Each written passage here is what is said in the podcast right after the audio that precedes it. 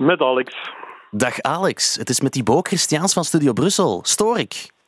Nee, nee, totaal niet. Zeg het eens. Ja, ik had eens een vraagje. Ik ben uh, een podcastreeks aan het opnemen. En het gaat over hele grote iconische bands die ik eigenlijk ja, niet zo goed vind. En ik heb begrepen okay. dat jij een grote Slayer-fan bent. Heb jij, heb jij nu net gezegd dat dat gaat over bands die jij niet zo goed vindt en dan Slayer in dezelfde zin gezegd? Ja, eigenlijk, eigenlijk wel. Ik, ik vind dat zo gasten met... Uh... Wat een heiligheid man. ja, ik vind dat gasten met, met, met heel veel leer en uh, ja, enge, enge tekeningen en ik krijg daar zo wat schrik van. Zie jij dat zitten ja. om, om mij te overtuigen van de genialiteit van Slayer? Ja, ik zie dat niet alleen zitten. Ik bezien dat als een heilige taak, als metal en Slayer fan, dat ik echt letterlijk ongelovigen mee tot de kerk van Slayer moet komen bekeren. Dus uiteraard, ik zit al met één voet in de auto. Ik vertrek onmiddellijk. Zet je microfoons maar aan, man. Want je gaat er van langs krijgen. En voordat het gedaan is, zult ook jij weten waarom Slayer de meest metale onder alle metalbands is. Thank you, Boomer.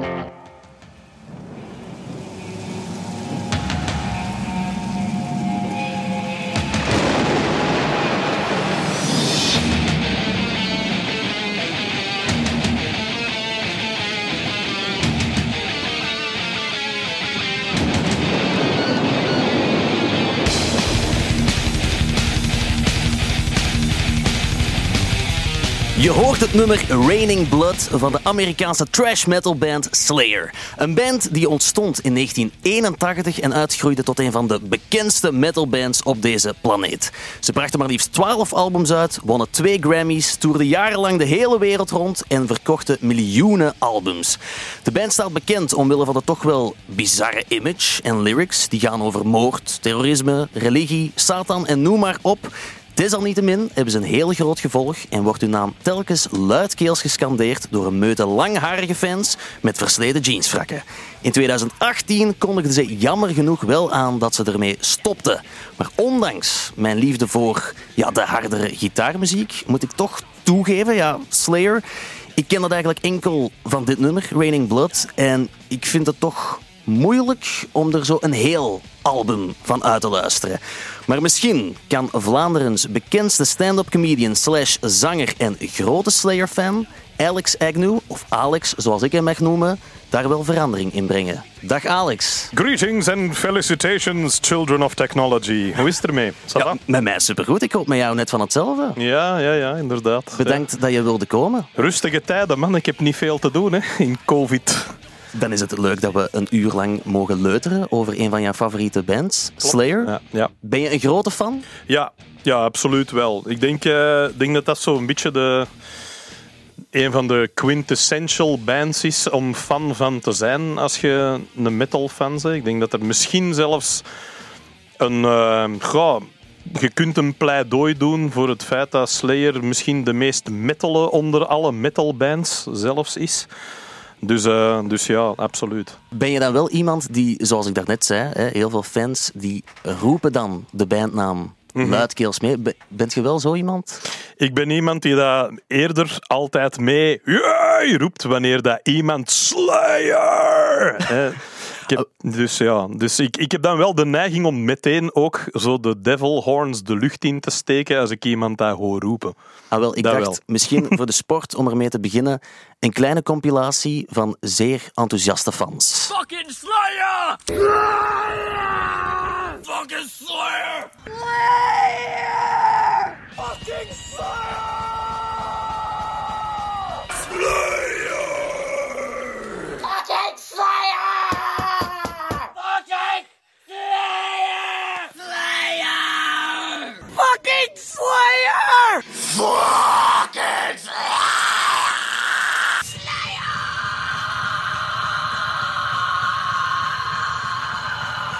Fucking Slayer! Fucking Slayer! Fucking Slayer! Ja, ik moet wel toegeven, toen ik zag dat de fans van Slayer zo tekeer gingen, kreeg ik wel schrik. Kreeg jij schrik? Ja, ik dacht van, what the Ik fuck? denk dat dat de bedoeling is. Ik ben benieuwd. Ik heb het ooit aan een tankstation meegemaakt, hè, na Graspop. Dus zelfs dat wij daar opgetreden hadden, denk ik. En wij stonden achteraf eh, ja, aan een tankstation bij te tanken en zo ja, voedsel te gaan halen. En eh, er stond een heel bende metalers en ineens stapt er ene uit een soort camionet, een grote gast met een baard, en die roept gewoon keihard Slayer! En iedereen rondom ons! En dat was gewoon een ja, redelijk surrealistisch moment. En toen zag ik bij de persoon achter de kassa toch ook een beetje een vertwijfelde blik van wat gaat er hier gebeuren vanavond? Ik weet nu, je bent een grote fan. We gaan het hebben over het werk, het leven van Slayer, de lyrics ook. Eh, een beetje over de live shows, maar beginnen doen we met jouw favoriete. Ik heb je gevraagd naar je favoriete Slayer-nummer. Wat is dat? Ehm, dat is Angel of Death. Eh, ik denk niet dat ik daar alleen in ben als ik dat zeg. Maar ehm, dat is de opener van hun derde plaat, hè, eh, Rain in Blood. En ehm, dat is een metalplaat waar ik, ja, ten eerste denk ik dat dat misschien een van de allerbeste metalplaten aller tijden is. Ze werd ook door Kerrang! magazine in eh, Engeland uitgeroepen tot eh meest heavy plaat aller tijden. Duurt ongeveer 27 of 28 minuten, dus dat, eh, dat verknoeit niet veel tijd. En je kunt bijna ook wel stellen dat dat het beste openingsnummer en de beste afsluiter aller tijden heeft.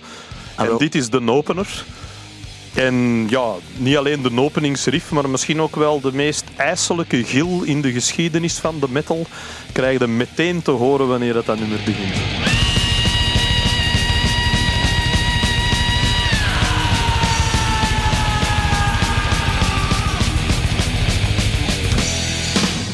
Ja, van het album Rain in Blood uit 1986. Ik heb ook wel vernomen dat dat zo het, het, magnum opus is van Slayer en ook jouw favoriete album dus. Klopt, ja. ja. Ik denk dat dat van heel veel mensen zo is. Eh, het maakt eigenlijk wel een deel uit van een soort, ik zal zeggen, de heilige trilogie van Slayer. Voor de meeste mensen achteraf gezien. Hè, want dat was niet altijd op het moment zelf. Maar als je terugkijkt, denk ik dat de, ver- eh, de vervolgplaat daarop, eh, South of Heaven, en die daarna, Seasons in the Abyss, dat dat wel een beetje bezien wordt als de Slayer-periode met de drie grote platen na elkaar. Die ook genoeg van elkaar varieerden, waardoor dat, dat toch altijd iets nieuw was op dat moment. Voor hun en hun sound, maar waar ze wel geperfectioneerd hebben wie dat ze eigenlijk zijn. Wat mij wel opviel was, en dat wist ik van tevoren dus ook niet, is dat het geproduced is door Rick Rubin. Klopt, Een ja. zeer bekende producer, bekend van eh, de Beastie Boys, Red Hot Chili Peppers, Johnny Cash.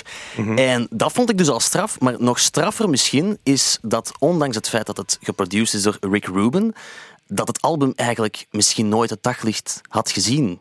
Dat het eerst geweigerd werd om uitgebracht te worden, Mhm. dankzij een nummer zoals deze Angel of Death. Ja, vooral door dat nummer eigenlijk, omdat dat gaat over eh nazi-kampdokter Jozef Mengele, hè, die vreselijke experimenten op mensen uitvoerde in Auschwitz. En ja, daarom, dat was natuurlijk een enorm controversieel onderwerp. Ook omdat veel mensen, zoals gewoonlijk, de tekst niet lazen.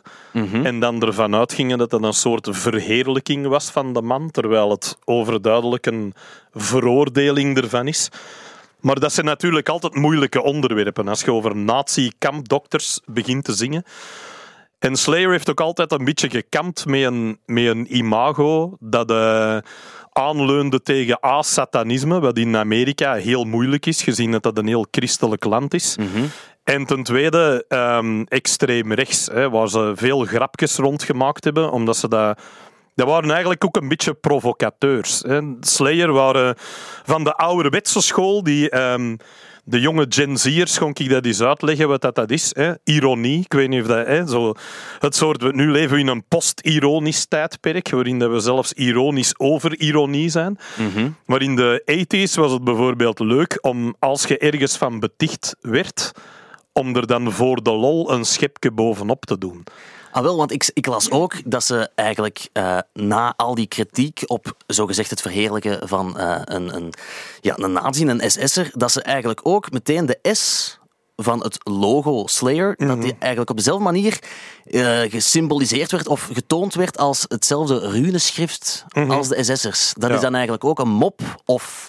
Ja, dat was eigenlijk al, hè, want dat, dat logo was niet op hun eerste plaat, denk ik, maar dat is wel heel snel er al gekomen. Ehm, Jeff Hanneman bijvoorbeeld, een van de hè, voornaamste songschrijvers van de band ook, had wel een hele grote fascinatie met de nazi's, maar dat had Lemmy van Motorhead ook. Hè. Ja. Ook een gast die je moeilijk kunt betichten van rechts te zijn, dat je die de politiek kende. Die nooit zo mooi zei, waarom, hè, waarom eh, verzamelde jij nazi-spullen? Waarop dat die zei, if the Israelis had the most beautiful uniforms, I would collect them, but they don't, so I don't. dat was eigenlijk zijn uitleg. Maar ja, dat deden die. Die hadden ook zo een, eh, een soort... Die hadden een t-shirt waar dan zo'n soort eh, fanclub-achtig ding op stond. En dat was de Slatanic Wehrmacht. Dus ja, dan weten we ook dat ze er al een klein beetje mee aan het lachen waren. Hè. Zowel Slatanic als Satanic en Wehrmacht natuurlijk uiteraard van de nazi's. Dus dat was eigenlijk gewoon ook een beetje de vinger op de wonden leggen en er dan ook wat op duwen. Ja, die hebben later bijvoorbeeld ooit een, eh, een cover gedaan van eh, Minor Threat. Een heel bekende eh, hardcore band die dat eigenlijk ook een beetje het concept van de straight edge hebben uitgevonden. Ja. waar dat Ian Mackay van Fugazi later in zat. Die hadden een nummer en dat heette Guilty eh, of Being White. Ja, ja, ja. En eh, wat eigenlijk nu ook al controversieel zou zijn, gewoon puur omwille van wat het betekent. Terwijl ja, de betekenis is redelijk simpel. Ik ben niet verantwoordelijk voor alles wat mijn voorouders gedaan hebben. Hè. Dat was toen een 19-jarige jongen die dat, dat schreef. Slayer heeft dat gecoverd en voor de lol hebben die geëindigd met Guilty of Being White, Guilty of Being Right. Waar iedereen heel boos over werd en waar ze hun eigenlijk keihard mee gelachen hebben, omdat ze dat ook alleen maar gedaan hebben voor die reden. Ja, we gaan het straks denk ik nog wel even hebben over dat satanisme of de opmerkelijke onderwerpen waarover ze schrijven. Maar ik wil het toch ook wel eens even hebben over, over de sound. Want ik zelf ben niet echt een, een metal kenner. Maar als ik dan opzoek wat het genre is dat Slayer belichaamt, dan zeggen ze trash metal. En ze behoren tot een van de big four met Metallica, Anthrax en Megadeth. Maar dan vraag ik mij af, mocht jij het uitleggen aan een kind van tien jaar, hoe zou je dan trash metal omschrijven? Maar heel snel gespeeld in ieder geval. De bedoeling was dat dat... eh, er werd op, een, op den duur werd dat ook een beetje een snelheidswedstrijdje onder elkaar, waar Slayer overduidelijk de winnaars van waren. Slayer is eigenlijk eh, begonnen toen dat hij een eh, compilatie hoorde van Brian Slagle van Metal Massacre heette die. Dat waren eigenlijk allemaal beginnende onbekende bands en een van die bands was Metallica. En het, het, hetgeen dat die jongens zeiden was wij kunnen dat ook, maar wij kunnen dat nog sneller. Dus dat werd eigenlijk een, een dingetje. Maar het is vooral ehm, ja, snel gespeeld. eh, drums die dat bijna neigen tot punk soms. Ehm, maar wel met heel veel dubbele basdrum, wat je dan weer al minder hoort bij, bij punk. En heel ja, technisch en snel gespeeld. Dat is vooral in het begin was dat vooral thrash metal. Ah, wel, die dubbele basdrum, ik ken dat. Want ja, ik speel ook muziek in een band die hele makkelijke muziek maakt. Technisch niet zo hoogstaand. Maar ik dacht dan toch... Ja, voor Niks mis mee. Nee, inderdaad, inderdaad. Maar om het aan de luisteraars misschien toch ook een beetje duidelijk te maken, heb ik een fragment van Dave Lombardo. De, ja, iemand die heel vaak verschillende keren gedrumd heeft. Originele drummer. Maar Inderdaad. Inderdaad, ja. Die eh, de dubbele basdrum uitoefent op het nummer Angel of Death.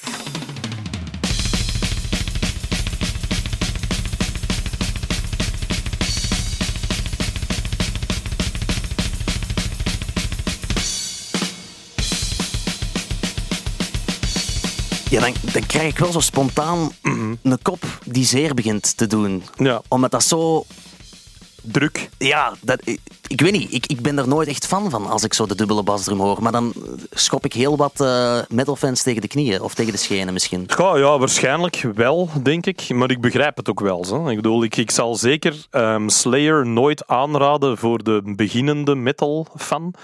Dan zou ik toch eerder zeggen, probeert Metallica of zo. Omdat die toch een, een bredere sound hadden. En een ook eh, een beetje commerciëler klinkende sound. Terwijl Slayer is veel, veel agressiever.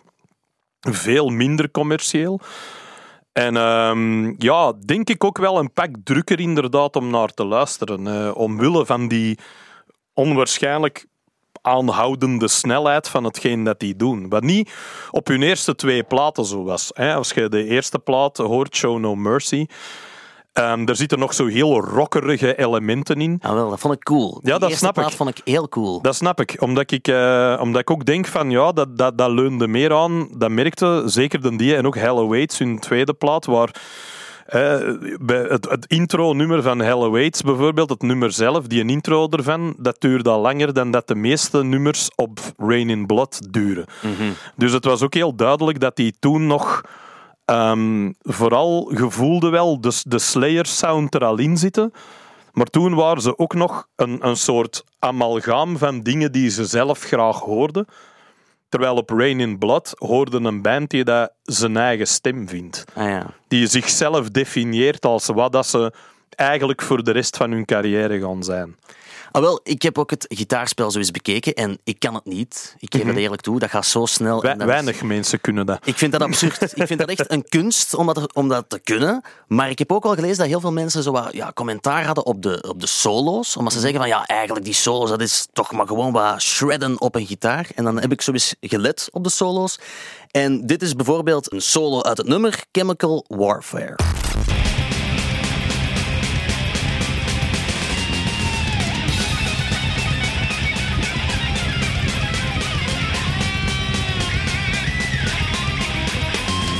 Ja, het is veel gepiep.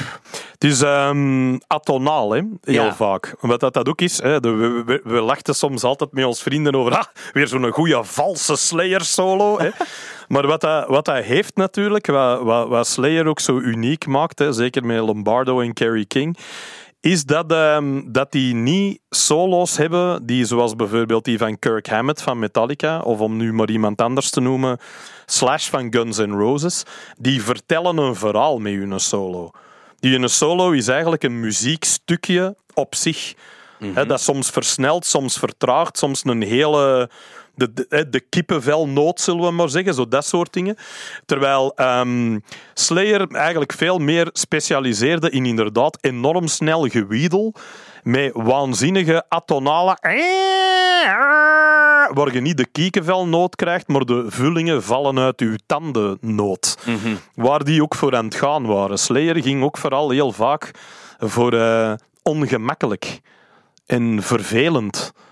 En, En toch spreekt dat aan zoveel mensen aan. omdat dat een onwaarschijnlijke, eh, primitieve agressie heeft. Oké, oké. Ja. Dat, heeft, dat is al een uitleg die ik nergens anders vond, op, om het zo maar te zeggen. Dus ik, ik snap het al iets meer. Oké. Ehm, wat ik, Ik ben blij.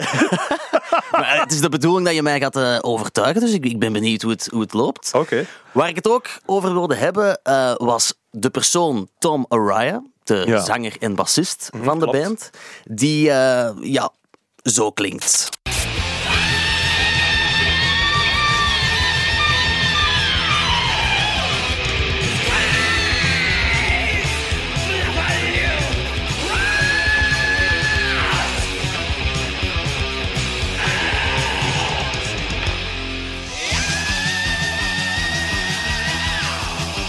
Dat is ook wel weer zo het hoge, atonale, schreeuwerige. Mhm.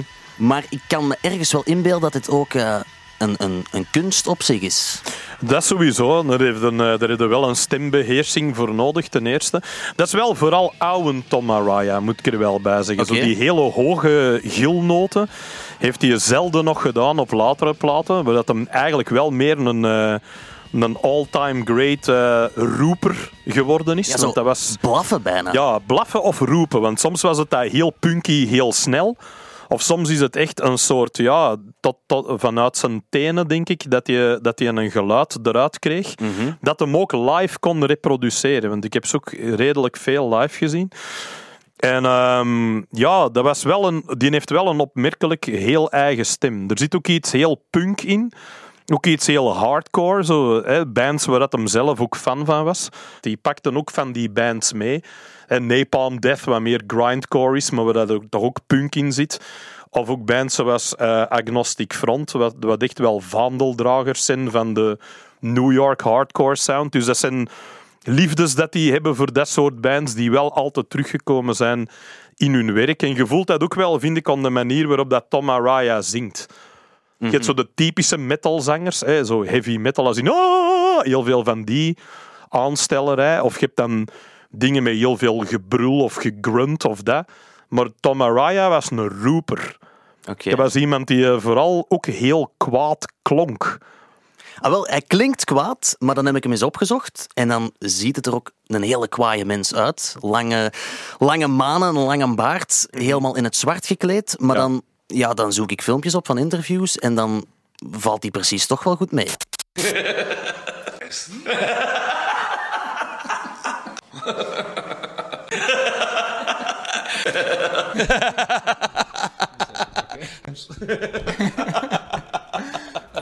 Hij lacht heel veel en Ja. ik, ik wilde er een pintje mee gaan drinken met een Tom. Mhm, Dan Tom is waarschijnlijk een heel toffe vent. Hè.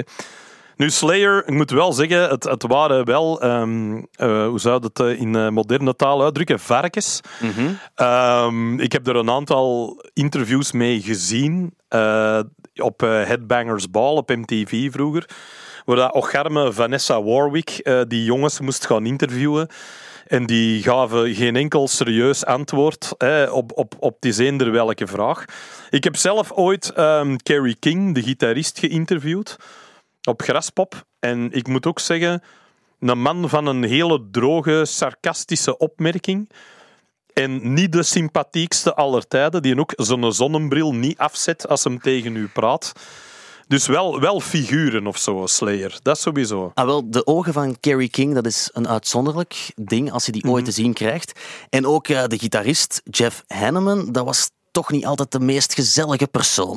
First of all, I hate interviews. I hate non contact sports. I hate happy music. I hate when people sing about good things and love and um, optimism because it bores me. It, it, it's like, shut the fuck up already. I hate everybody I don't know until I meet them, and then I either like them or I figure out the reason why I hated them in the first place. Ja, toch niet de meest... Prachtig toch, niet? Ja, ik vind dat prachtig en ik snap ook wel dat het een soort van ehm, imago is dat ze zichzelf aanmeten, maar daar krijg ik dan wel weer wat schrik van, van zo Ja, iemand. het, het, het grappige is dat, dat, dat natuurlijk... ehm, je moet ook herinneren in welk tijdperk dat we nu leven. Wederom, hè, we hebben al heel veel gezien. We hebben al heel veel gehoord. We zijn al heel veel gewoon. En we zijn ook al alles na twee minuten beu. Hè, zeker als je eh, een hele generatie hebt die nu opgroeit met instant access tot alle informatie van de wereld, heb het allemaal nogal redelijk rap gehad. Terwijl uit die tijd ehm, waren dat meningen die je niet zo vaak hoorde. Er waren niet heel veel ehm, artiesten die dat soort uitspraken deden. En dan was dat heel verfrissend van iemand te horen dat eigenlijk zegt: ik hou helemaal niet van die liefdesliedjes en ik vind de meeste mensen helemaal niet tof. En ik hou helemaal niet van gelukkige muziek of van films die goed aflopen. Of van... En toen was dat, een, was dat natuurlijk uiteraard ook een statement dat past bij een imago. Maar ik denk dat dat ook wel sowieso, als uw kunst zo donker is, als hetgeen dat die gasten maken, dan vertrekt dat ook van plekken waar je naartoe gaat in uw kop. En we hebben nu al heel veel gehad. We zijn al door heel veel gechoqueerd en beledigd geweest. Nu worden we beledigd door alles. Dingen waar we zelfs volledig niet door beledigd werden vroeger. Maar vroeger moest het een beetje verder gaan om mensen te choqueren. En dat was natuurlijk hetgeen dat die deden. Wat ook het leuke eraan was. Hè. Dat, was dat was ook een klein beetje een, een. En dat was ook leuk voor iedereen die het gevoel had dat de, ik zal zo maar zeggen, de, de glitterende popwereld die de rest van de media u probeerde te verkopen, waar, waar je je niet in thuis voelde, waar je van dacht, dat ben ik niet, of ik voel mij daar niet goed bij, dan waren dat soort bands natuurlijk ja, de stem voor dat soort jongeren. Ja, ja, ja, ja. Maar ik, ik had toch ook wel het gevoel van, ze willen provoceren. Mhm. Dat is correct, Dat klopt, ja. Want... Niks mis mee, hè? Nee, helemaal niet, helemaal niet. Maar er werd wel, ja, ik zag heel veel dingen terug van dat satanisme en ehm, ja, niet zo'n leuke dingen. Ja. En ik las dan bijvoorbeeld, ja, Angel of Death, daar hebben we het al over gehad, dat het over een SS'er gaat. Maar ook eh, de intro van het nummer Hell Awaits, daar was dan ook iets heel vreemd mee aan de hand.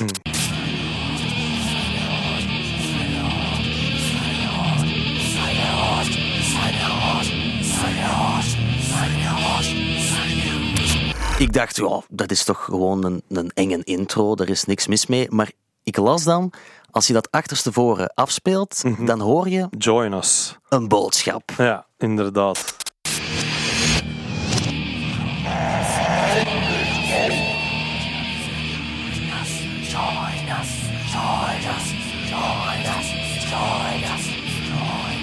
Daar krijg ik dan weer de kriebels van, moet ik goed, zeggen. Ja, ik vind het ergens cool, Dat is goed, hè? maar ik krijg er ook ja, schrik van. Ja. Maar blijkbaar zijn er dan toch wel mensen... Vinden dat niet een beetje leuk, schrik hebben soms? Is dat niet tof? Is, is een element van gevaar en niet weten of dat, dat allemaal echt is of niet? Of dat, zijn dat echt foute gasten? Of is dat een imago? Optredens waar we vroeger naartoe gingen, nu spreek ik natuurlijk als eh, oude man ten opzichte van een jonge man, waar je binnenwandelde en je zag dat volk en je voelde die sfeer en je dacht dat kan hier ook compleet mislopen, Mhm. vond ik een fantastisch gevoel. Nou, wel, ik denk dat ik nog nooit naar een show ben geweest van, van zo'n tafereel, Ja. helaas. Ja. Maar ik, ik, snap, ik snap het ergens zo, want ik las ook dat de gasten ehm, grote fan zijn van horrorfilms. Mhm. En dat is ook, ze zeggen van ja, dat is toch tof om zo eens bang te zijn en te verschieten. Ja. En dan snap ik het al wel iets meer, maar ik vind het dan toch wel straf als ik dingen lees eh, van ouders die de band hebben aangeklaagd wegens satanisme, omdat er blijkbaar ooit een moord is gebeurd op Mhm. Een jong meisje? Ja, Ja, dat klopt, ja. Een jong Ja. meisje. En blijkbaar zouden de daders door de muziek van Slayer zijn aangezet om dat meisje ja, te vermoorden. Ja. Dan zou ik toch als, als band zoiets hebben van oei, dit is niet wat dat wij voor ogen hadden. Moeten we hier misschien niet mee stoppen? Ja, tuurlijk. Maar dat zou een hele moderne manier zijn van denken. In die tijd was dat niet, denk ik. Dat veel, veel bands dat niet hadden. Ehm, omdat, ja, ik vind ook natuurlijk, in hoeverre is een artiest verantwoordelijk voor wat dat gestoorde fans doen. hè? Ehm, ik denk dat die gasten die dat, dat meisje hebben vermoord op een gruwelijke manier, het ook wel op de soundtrack van iets anders hadden gedaan als het, eh, als het hun uitkwam. Hè. Dat was vooral weer een hele makkelijke manier. Wat ook bijvoorbeeld gebeurd is met een gast die eh, zelfmoord pleegde en Judas Priest zou die ertoe aangezet hebben. Door de plaat achterwaarts af te spelen, zouden dan horen Try Suicide. Hè, wat dan eh, Rob Halford en, en de zanger van Judas Priest en de rest van de band ontkracht hebben door heel de plaat achterwaarts af te draaien en daar nog andere dingen uit te halen. Zoals I Like Peanuts en Bananas Are Grey en zo. Waardoor dat die duidelijk maakte van ja, als we een of andere boodschap hadden, dan was het wel niet dat. Maar metal is altijd een beetje de dupe geweest. Hè. Mar- Marilyn Manson heeft dat aan zijn been gehad met de Columbine school shootings. Het ligt wel altijd aan een of andere duistere rocker Ja. Waarom het allemaal misgaat met de kinderen.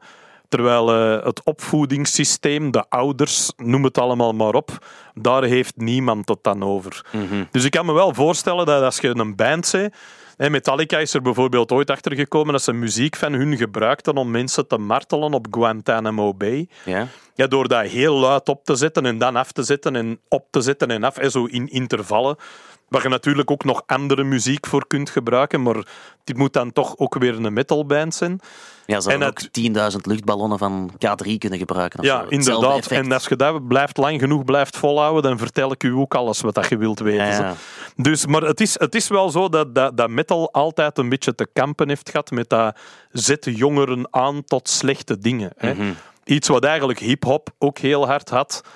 Ehm, voor zwarte jongeren dan. Hè. Dat het zo gezegd eh, zou, zou eh, hoe zeg je dat? Ja, romantiseren. Hè. Straatgeweld en gangs en drugdealen en noem dat allemaal maar op. Dus altijd als je een muziekgenre hebt dat een klein beetje komt van, van de jongeren en dat iets rebels met zich mee heeft, ja, dan zal altijd een of andere establishment wel proberen om daar een uitleg aan te geven waarom dat, dat slecht is voor uw kinderen.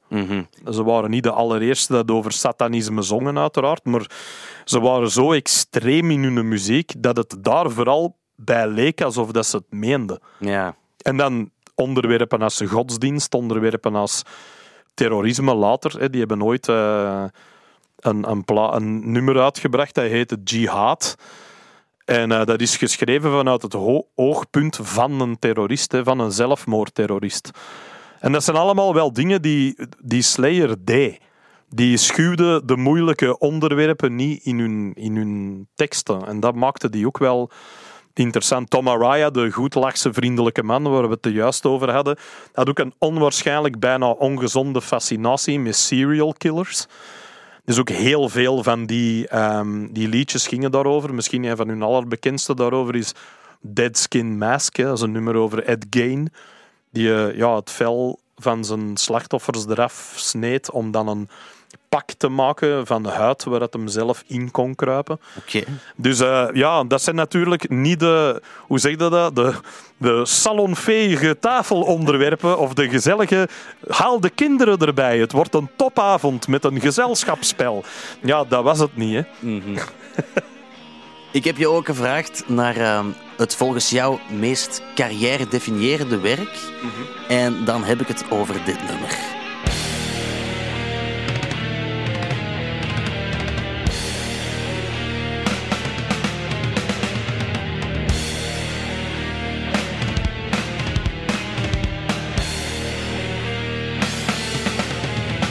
Is de intro van South of Heaven van Ja. het gelijknamige album uit 1988.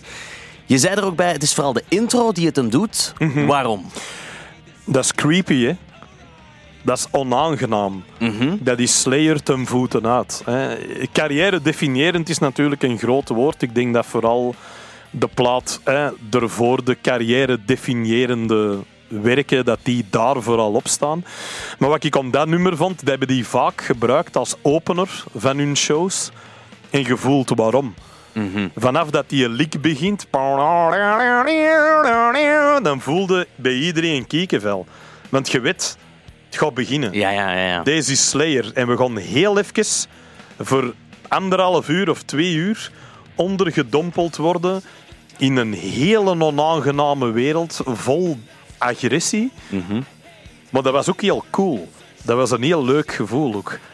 Dus en ik, eh, ik heb ze veel live gezien, ik denk acht of negen keer. En elke keer dat dat begon, deed er toch iets in mij. Zo, eh, zo het soort, uw hart klopt rapper, uw maag krimpt ineen en uw haar gaat overeind staan. En dat is een goed gevoel om te krijgen bij iets, vind ik. Maar ik snap het wel. Ik, ik vind Hm. de intro van dit nummer, dat spreekt me ook echt wel aan. Mhm. Ik wilde ook eens polsen wat je vindt van eh, Slayer herwerkingen. Covers eh, die dat ik zelf toch wel ehm, min of meer geslaagd vond.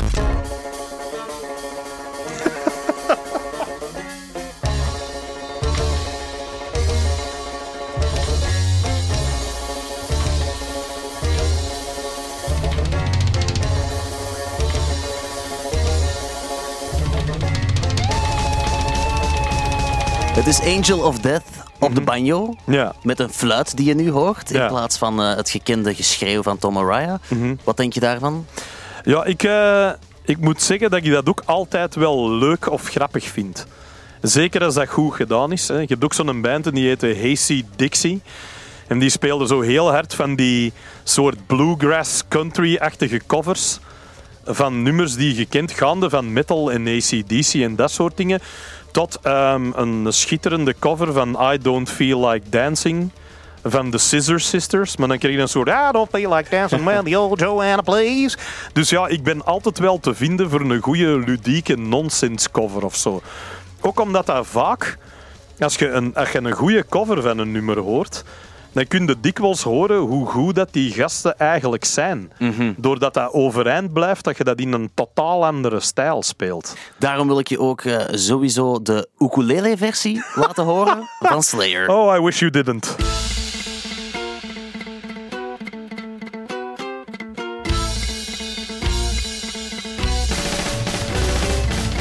Het wil wel iets zeggen als je het op banjo en ukulele zo catchy of goed kan laten klinken. Mhm. Dat wil misschien wel iets zeggen over de kwaliteit van de nummers. Ja, en van de riff ook, hè. Ja, inderdaad. Nul. Er is ook een ding dat bestaat en dat is een signature riff, zoals het heet. Er zijn een aantal bands in het heavy genre waar je bijna letterlijk van kunt zeggen dat is een typische puntje, puntje, puntje riff. En de Slayer riff hoort daar absoluut bij. Ja, dat er veel gevaar hing rond de band als ze live speelde, dat geloof ik al. Daar gaan we het straks misschien nog heel even over hebben. Uh, maar ik wil het ook hebben over de lyrics. We hebben er al een aantal aangekaart. Mhm. En ik vroeg je ook naar jouw favoriete lyrics.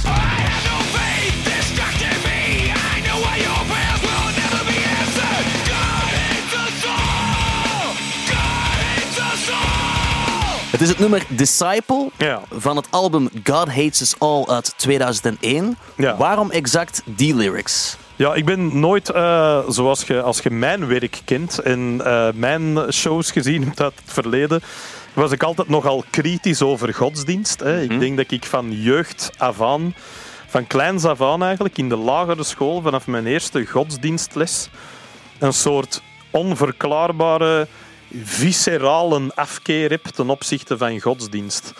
Ehm, en vooral ten opzichte van niet-spiritualiteit of mensen die dat geloven en daar iets positiefs uithalen. Maar vooral vanuit het hele ehm, doe wat God wil of anders. Ik denk dat dat veel te maken heeft met de manier waarop dat je geïntroduceerd wordt in je leven bij godsdienst. En bij mij was dat een eh, zeer oude dame die donderpreken gaf over dat we allemaal naar de hel gingen gaan als we niet ehm, leefden volgens hoe dat zij het zag en daarbij het christendom. Maar natuurlijk ook daarna eh, al de uitspattingen van de islam, noem het allemaal maar op. Dingen die mensen doen in de naam van God. En ik vond het eigenlijk een mooie dat iemand zegt: God hates us all. Zo, je moet niet denken dat die, dat die iets gaat oplossen voor u. Want als die bestaat, is het al wel duidelijk dat hem ons haat. Want er is niet echt heel veel goed. En als er ons vreselijke dingen overkomen, grijpt hem klaarblijkelijk ook nooit in. Dus ik vond dat gewoon een... Ja, ik weet dat niet. Dat raakte mij ook op een, op een hele... Heel dat nummer ook. Hè, want dat nummer is ook belachelijk asociaal agressief. En is een van mijn favoriete latere Slayer-platen. God Hates Us All. Omdat dat ook weer een beetje dat... Ja, er zit ook weer die een hardcore in, die punk in. Maar zo dat enorm, enorm ehm, anti-religieus. Ik kan daarmee leven in lyrics van bands. Ik zal het zo zeggen. Ik heb daar nooit een probleem mee. Ik heb het meer... Ik heb het moeilijker met het feit dat ze dan op latere leeftijd meestal Jezus vinden. Wat ik zo wat jammer vind dan altijd. Dat ik denk, ah, spijtig dat je het niet hebt volgehouden. Eh, je, ja, daar ben je het dan wel mee eens. Ik vraag me ook af eh, of je dit kan smaken.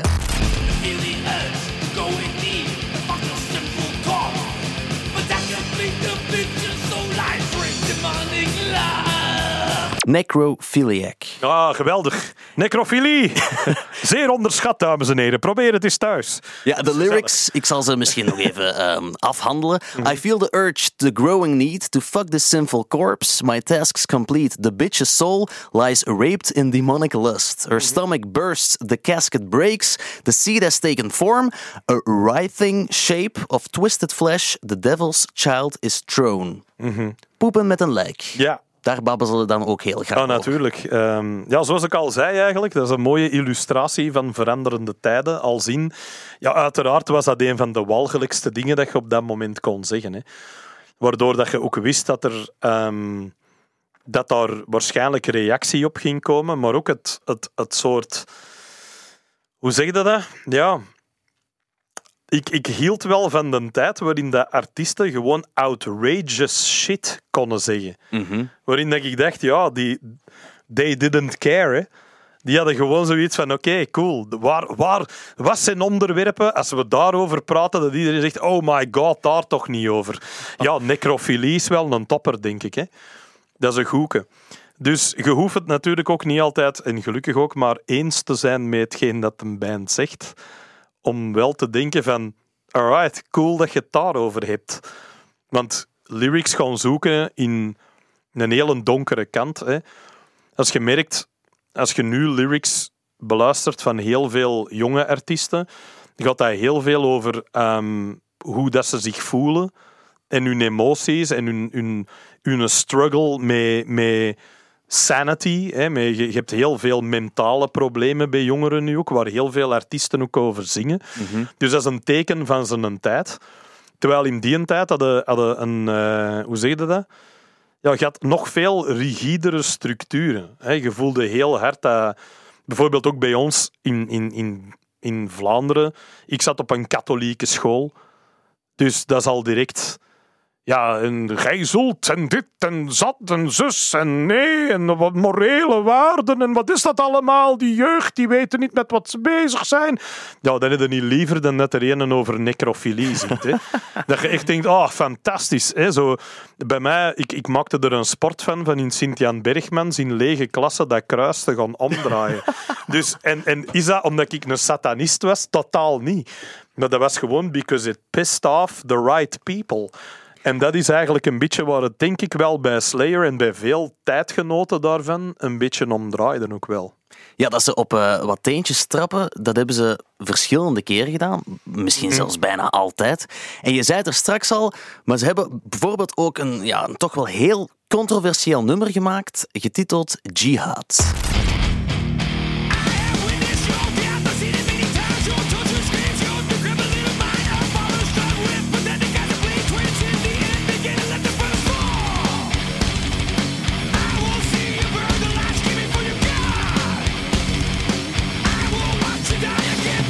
Vanuit het standpunt van ene Mohamed Atta, en als mensen die naam niet meer zouden kennen, het is een van de bedenkers en theoristen die betrokken was bij de aanslag op de WTC-torens. Ja, dan, dan, dan heb ik toch zo necrofilie en daarmee wat zwansen. Dat vind ik dan oké, dat snap ik. Maar dit is toch wel heel glad ijs. Ja, en tegelijkertijd ook weer typisch Slayer. Want wat was het meest controversiële dat je in Amerika op dat moment kon doen? Was het standpunt innemen van degene die in hun land had aangevallen. Hè? Ja. En te proberen nu in te leven in die zijn gedachtegang. En in wat voor iemand dat, dat is en waarom dat je dat doet. En dat was natuurlijk, ja, want er is nog iets met Slayer. Die, eh, die hadden een plaat die ging uitkomen, die uitgekomen is op 11 Ja, september ja, juist. 2001. Ja, dat is letterlijk toen gebeurd. En dat was niet, ik denk dat dat nummer daar toen niet op stond, want dat zou heel vooruitziend geweest zijn. Dat stond op Christ Illusion, denk ik, op die plaat. Die zelf ook al heel ehm, controversieel was omwille van de cover. De cover was een Jezus met geamputeerde ledematen in een veld van doden.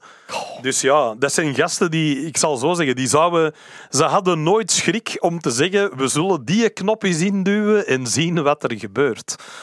En dat heeft ook een klein beetje wel die, eh, ja, wat ik al meerdere malen gezegd heb eh, tijdens ons gesprek, de punk spirit dat daarin zat. Hè. Dat is bijna vergelijkbaar met Sid Vicious die een t-shirt met een swastika opdroeg, alles behalve een nazi was, maar eigenlijk gewoon tegen de schenen wou stampen van de generaties ervoor. Hè.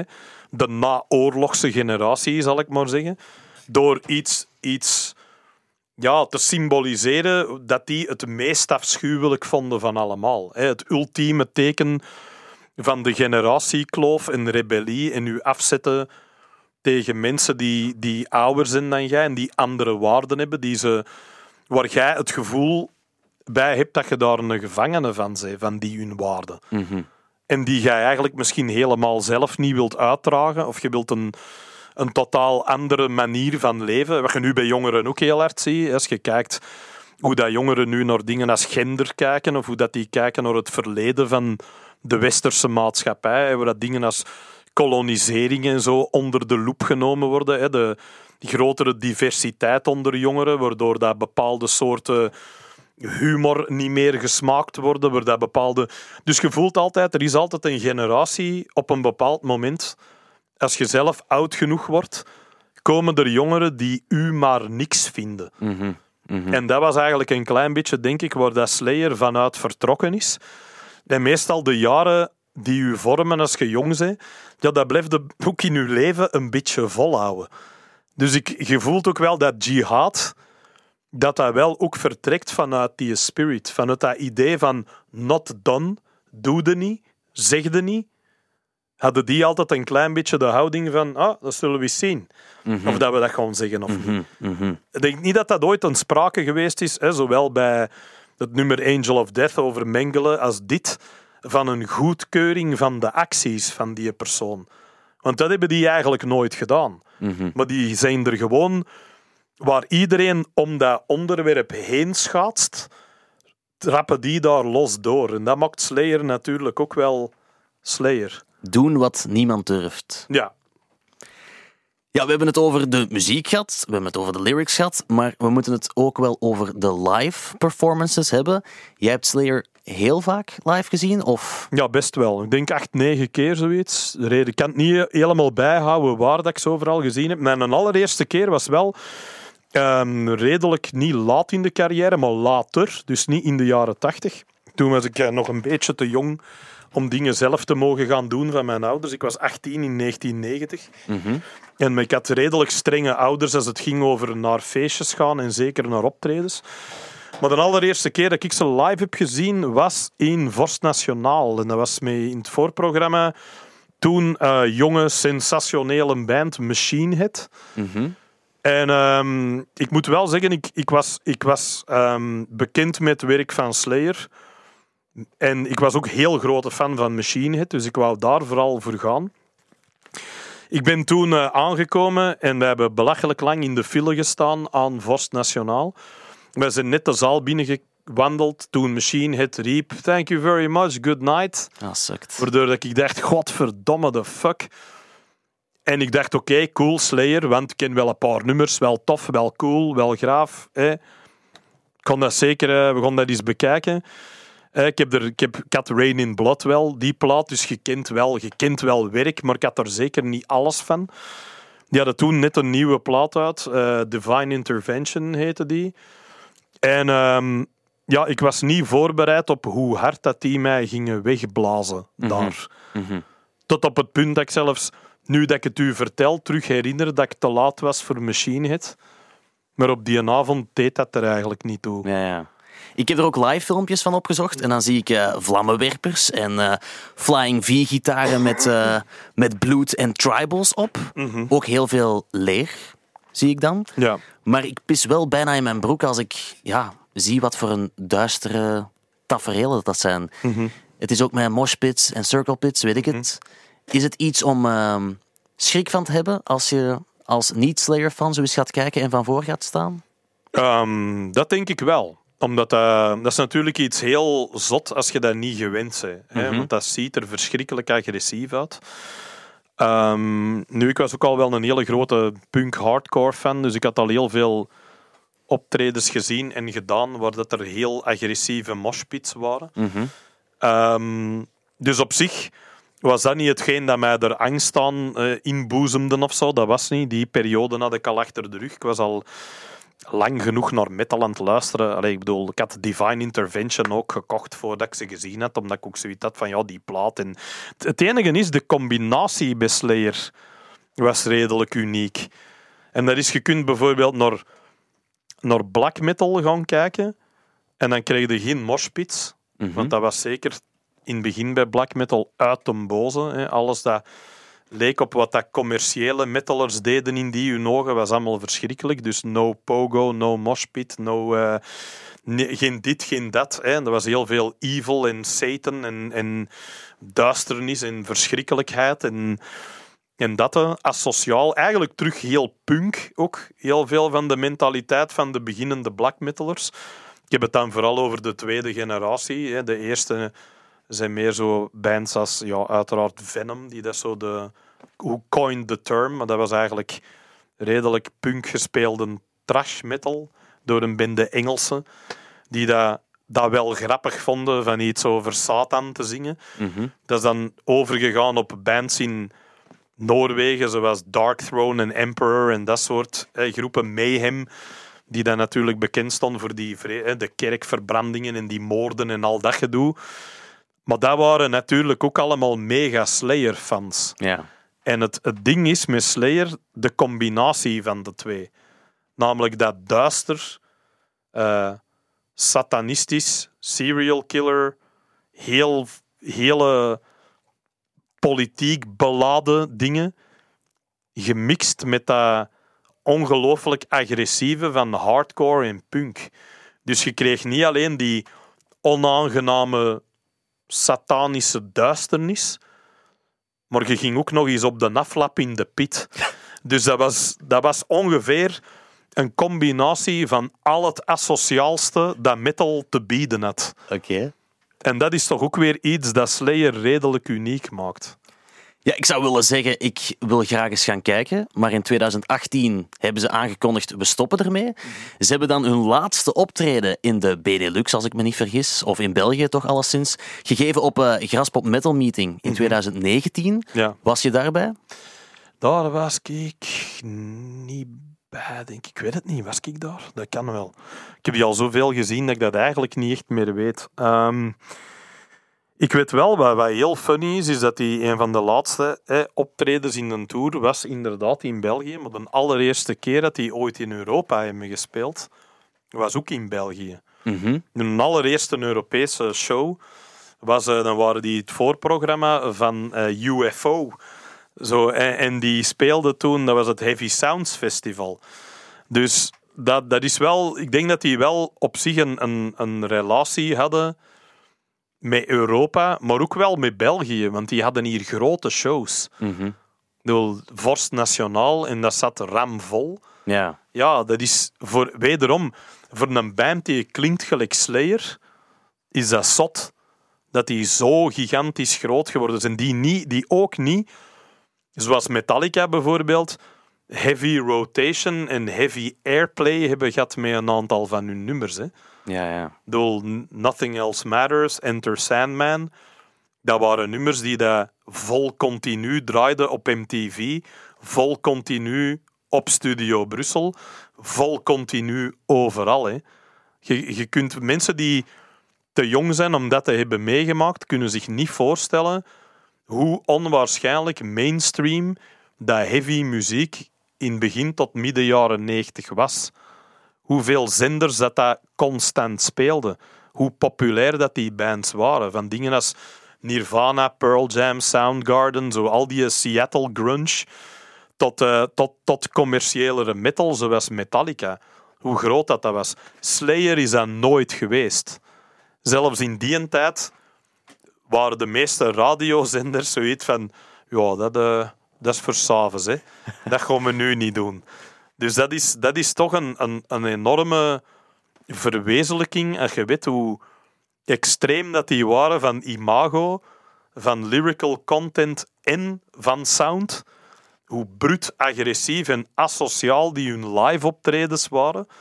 Dat dat toch zo groot geworden is. We hebben het nu over heel wat dingen gehad eh, die Slayer ja, groot maken, of net niet. Ik heb eh, heel aandachtig geluisterd. Het was zeer interessant. Maar we gaan zo dadelijk bepalen samen of Slayer wel echt zo tijdloos is. Maar voor we daaraan komen, geef ik jou nog de kans om drie argumenten te geven die mij of de luisteraar zo nog net dat tikkeltje verder over de lijn zouden trekken. Drie argumenten. Drie argumenten? Mhm. Oké. Als je het agressiefste wilt horen dat je ooit gehoord hebt, begint dan met Rain in Blood. Dat is bijna 30 minuten muziek waar je heel je kamer mee wilt afbreken. Weinig bands die zoveel agressie oproepen als die een band en die plaat. Zou ik ten eerste al doen. Ten tweede, als je wel eens houdt van iemand met lyrics die zowel uw ouders, uw leraars, uw leerlingen, uw vrienden, mensen die je kent, mensen die je niet kent, mensen die jonger dan jij zijn, mensen die ouder dan u zijn, onwaarschijnlijk hard de kast opjagen. En jij bent iemand dat dat een klein beetje leuk vindt, zou ik zeggen dat Slayer ook absoluut iets voor u is. En ten derde, als je een fan bent van de ehm, duistere kant van het leven, als jij je af en toe wel eens wentelt in donkere gedachten en in plaats van ervan te gaan lopen, een gevoel hebt van ik wil er eens in gaan zitten, om te voelen hoe dat, dat is. Want ik ben altijd van mening dat de meest angstaanjagende dingen de dingen zijn die je vermijdt. De, de, de hoek waar je niet in wilt kijken, zal u altijd veel meer beangstigen dan als je naar die hoek kijkt en in die hoek gaat zitten. Want als je voelt en je weet wat dat is, is dat ten eerste niet meer beangstigend. En ten tweede zie je daar toch ook de menselijkheid in. Ondanks al de vreselijkheid, omdat dat ook een aspect is van wie dat wij zijn. En soms is het jammer genoeg. En als je toch in die kant van de wereld wilt kijken, zonder dat je noodzakelijk naar een oorlogsgebied moet gaan of de meest gruwelijke dingen zelf moet meemaken, maar je wilt een klein beetje ramptoerist spelen in de duistere kant van de menselijke psyche, dan kan ik alleen maar Slayer aanraden. Oké, drie zeer, eh, zeer goede argumenten. Dan zijn we aanbeland bij het slot. Pleidooi. Ik ga een eh, ja-nee-vraag stellen. Ik tel af en we geven op hetzelfde moment een ja-nee-antwoord. Ja.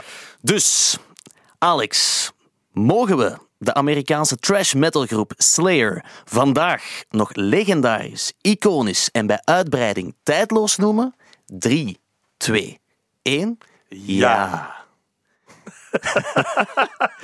Ik ben, ik ben wel overtuigd. Uh, Nu dat ik een echte Slayer-fan gesproken heb, heb ik eigenlijk al goesting om het terug op te zetten en eh, iets af te breken. Hm, Ik heb het eh, op weg naar hier opgezet. Ja? Ik ben nog nooit zo rap tot hier gereden. Vol een bak 140 op de snelweg. zal wel zijn. Dan rest er mij Dat was nog- op de trage gedeeltes. dat was waar je maar 50 mocht rijden. Dan rest er mij nog één ding om te zeggen. Bedankt om te komen en vergeet niet...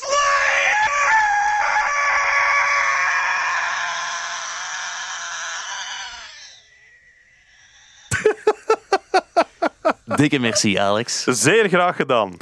Dit was een podcast van Studio Brussel. Als je hem leuk vond, check dan ook eens onze andere podcasts, zoals Puur Hypothetisch, waarin Fien Germijns en haar vastpanel op zoek gaan naar geniale oplossingen voor debiele vragen. Nu via stubru.be of je favoriete podcastplatform.